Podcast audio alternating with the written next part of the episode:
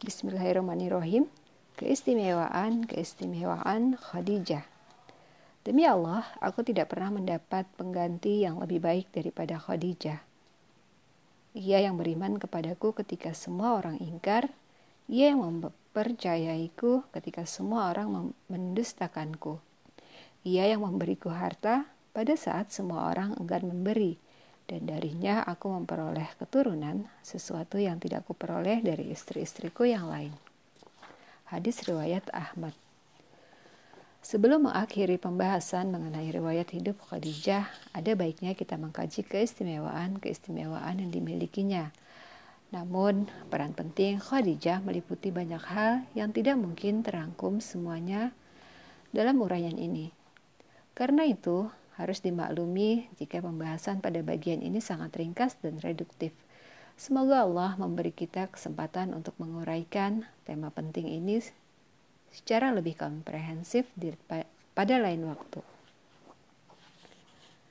Hal pertama yang perlu kita tegaskan pada bagian ini adalah bahwa Khadijah mendapat pemeliharaan dan bimbingan langsung dari Allah di sepanjang hidupnya.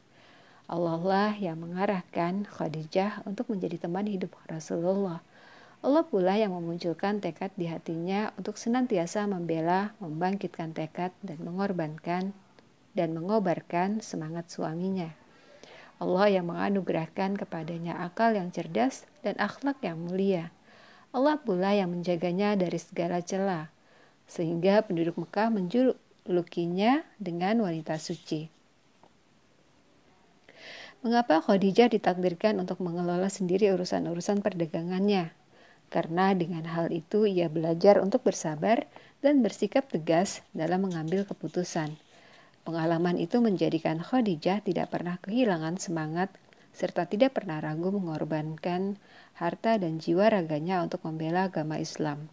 Ia tetap tegar menghadapi segala permusuhan dan intimidasi kaum aristokrat Quraisy.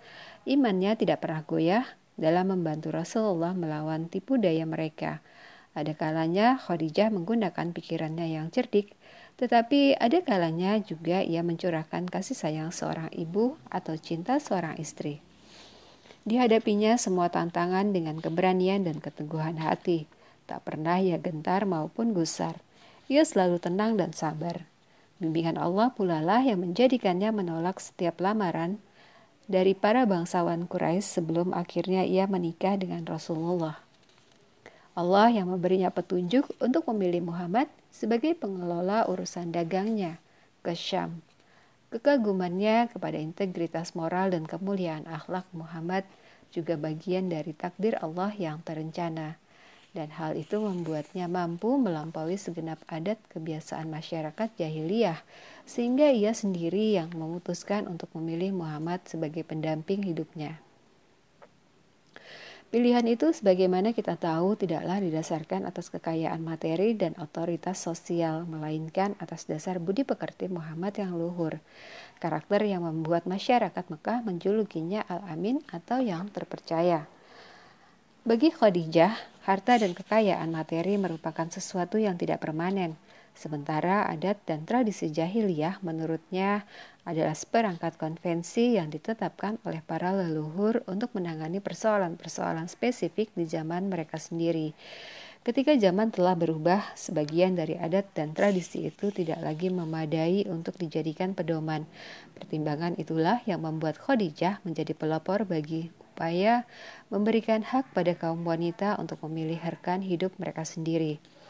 Tidak seorang pun berhak memaksanya untuk duduk manis di rumah, menunggu datangnya lelaki yang melamarnya.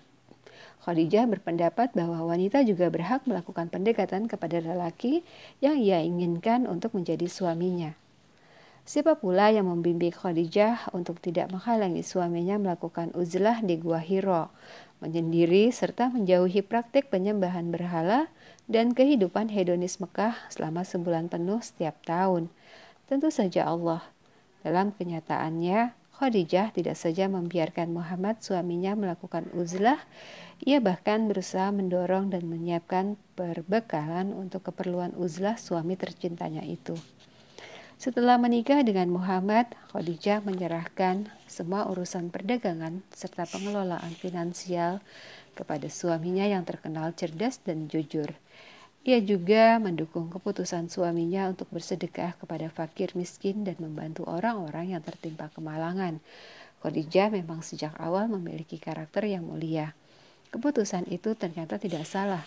Harta di tangan Muhammad selalu bertambah sebanyak jumlah yang ia sedekahkan. Tentu saja karakter dan keputusan Khadijah itu merupakan bagian dari rencana Allah yang Maha Agung. Berkat segala kebaikan dan yang dilakukannya, Allah pun menghormati Khadijah. Suatu hari, malaikat Jibril mendatangi Rasulullah SAW dan berkata, "Wahai Muhammad, Sebentar lagi Khadijah akan membawakan makanan dan minuman untukmu. Kalau ia datang, sampaikan kepadanya salam dari Allah dan dariku. Cara Khadijah menjawab salam itu pun menunjukkan keluasan pandangan dan kedalaman perasaannya. Jawabannya itu mengandung pengagungan terhadap Allah, doa agar Allah menganugerahkan kepadanya kedamaian dan keselamatan serta salam untuk Jibril yang telah menyampaikan kepadanya salam dari Allah. Khadijah berkata, Allah lah pemelihara kedamaian dan sumber segala damai. Salamku untuk Jibril. Allah membimbing Khadijah untuk menyebarkan ketenangan dan cinta kasih di tengah-tengah rumah tangganya. Berbahagialah seluruh anggota keluarganya. Khadijah selalu berusaha agar perasaan Rasulullah tidak pernah terganggu di rumahnya sendiri. Tidak pernah kondisi rumah tangga menjadi penghalang Rasulullah untuk berdakwah. Khadijah merupakan istri yang dan sahabat ideal yang selalu setia mendampingi serta menghibur Rasulullah dalam setiap kesulitan. Karena itulah Allah berkenan memberinya kabar gembira tentang sebuah rumah terbuat dari permata yang dibangun untuknya di surga. Rasulullah bersabda, Aku diperintahkan untuk memberi kabar gembira kepada Khadijah bahwa akan dibangun untuknya di surga sebuah rumah dari permata Tak ada hiruk pikuk dan rasa lelah di sana. Allah juga berkenan untuk memberikan sebuah keistimewaan kepada Khadijah. Hanya darinya lah anak keturunan Rasulullah berasal. Keturunan ini terus berkembang dari generasi ke generasi, menyebar ke seluruh penjuru dunia Islam hingga pada masa kita ini. Mereka lah anak cucu Muhammad ibnu Abdillah dan Khadijah bin Khuwailid. Perlu juga kita ingat bahwa Rasulullah terlahir sebagai anak yatim. Kemudian beliau ditinggal wafat ibunya, Aminah binti Wahab. Pada usia enam tahun, sejak kecil beliau telah kehilangan kasih sayang ayah dan ibu. Kakeknya Abdul Muthalib dan pamannya Abu Talib menggantikan peran ayah bagi Muhammad muda tetapi sepanjang hidupnya, Muhammad selalu merindukan sosok sang ibu. Barangkali Fatimah bin Asad, istri Abu Talib, binti Asad, istri Abu Talib, pernah mengisi peran yang hilang ini. Rasulullah mengakui hal itu sebagaimana tercermin dalam pernyataan beliau. Orang yang paling baik kepadaku setelah Abu Talib adalah Fatimah binti Asad. Tapi Fatimah harus membagi perhatiannya untuk melayani Abu Talib suaminya dan sejumlah besar keluarganya. Oleh karena itu, ketika Muhammad beranjak dewasa, ia harus menghidupi dirinya dengan cara menggembala kambing milik beberapa kerabat yang kaya untuk mengganjal perutnya. Seringkali Muhammad memakan buah-buahan yang ditemukan di tempat pengembalaan. Pada saat yang sama, banyak pemuda sebayanya yang menikahi gadis-gadis terhormat dari kaum Quraisy setelah menyerahkan mahar dalam jumlah tertentu. Sementara Muhammad hingga usianya mencapai 25 tahun tidak memiliki harta untuk dijadikan mahar. Akan tetapi Khadijah dengan kecerdasan pikiran dan kejerihan perasaannya yakin bahwa Muhammadlah orang yang diramalkan para rahib dan pendeta akan menjadi nabi akhir zaman. Khadijah percaya kepada saudara sepupunya Warokoh ibnu Naufal yang menyatakan bahwa Muhammadlah nabi yang ditunggu-tunggu dari bangsa Arab. Atas dasar keyakinan itu, Khadijah memberanikan diri untuk mendobrak tradisi jahiliyah dengan meminang langsung Muhammad untuk dirinya sendiri. Keduanya pun menikah. Khadijah berperan sebagai seorang istri yang setia, sahabat yang penuh pengertian, sekaligus ibu yang penuh kasih sayang. Kehidupan rumah tangga Khadijah dilipuri kebahagiaan serta dilandasi oleh sikap ikhlas dan prinsip saling menghormati. Muhammad pun hidup berkecukupan.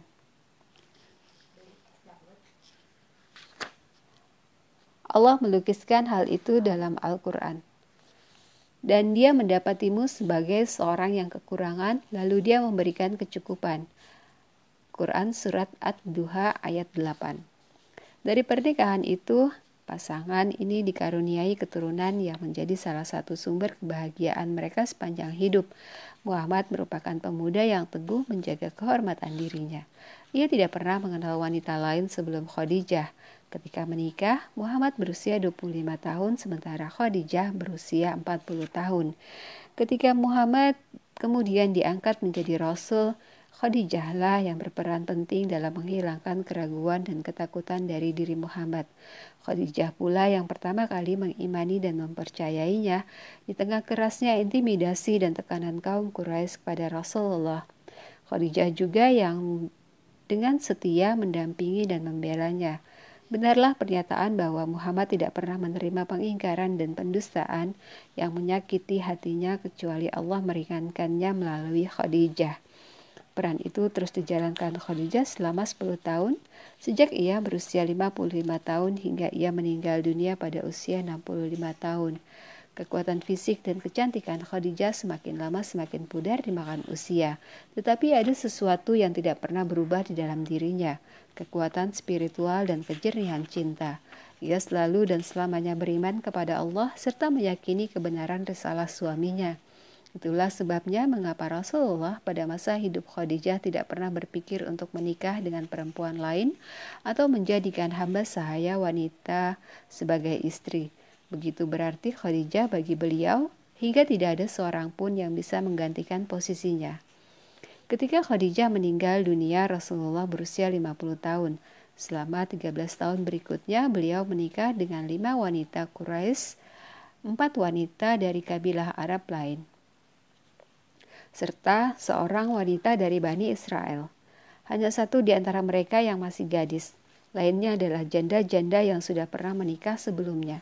Kemudian beliau juga menerima Maria Kiptiah, seorang budak wanita yang dihadiahkan kepadanya oleh Mukaukis, penguasa Mesir.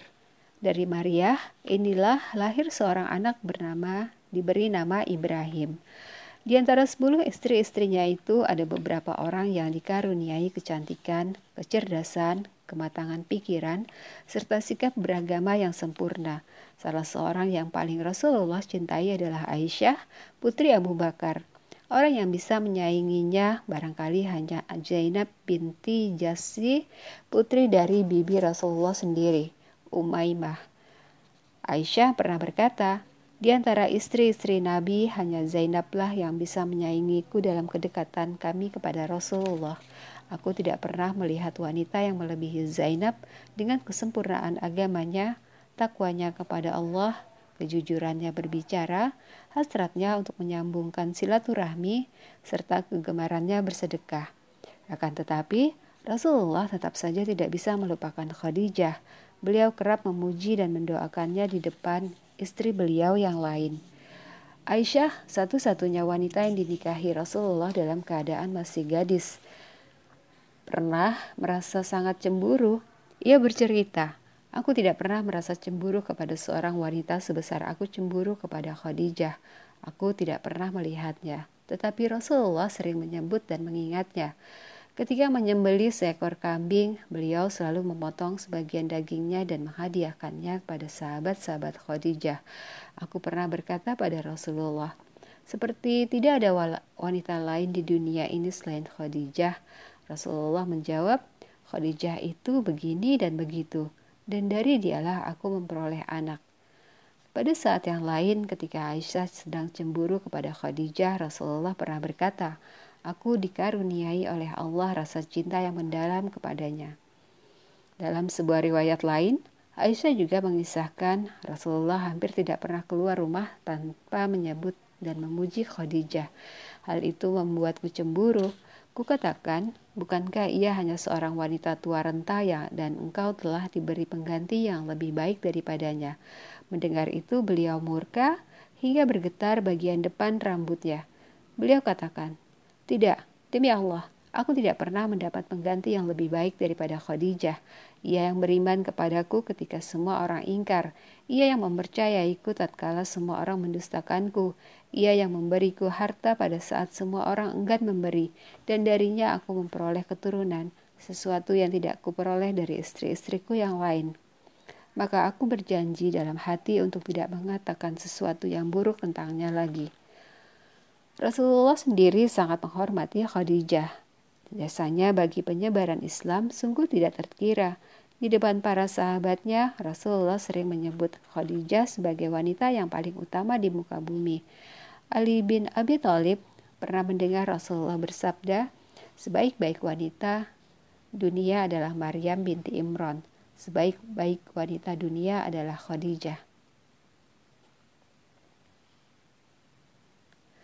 Dalam hadis lain yang diriwayatkan oleh Ibnu Abbas, Rasulullah juga berkata, pemuka dunia, pemuka wanita dunia adalah Maryam, lalu Fatimah, lalu Khadijah, lalu Aisyah. Pernyataan yang sama juga diriwayatkan oleh Anas. Rasulullah bersabda, wanita-wanita terbaik sepanjang sejarah adalah Maryam binti Imran, Khadijah binti Khuwailid, Fatimah binti Muhammad, dan Aisyah istri Fir'aun.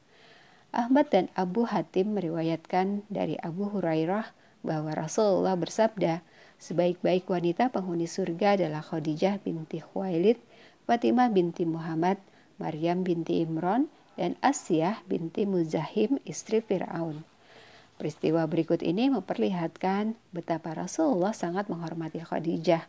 Suatu hari, Ummu Zafar, pelayan wanita Khadijah, datang kepada Rasulullah Beliau saat itu berada di Madinah. Rasulullah memberikan penghormatan yang layak kepadanya.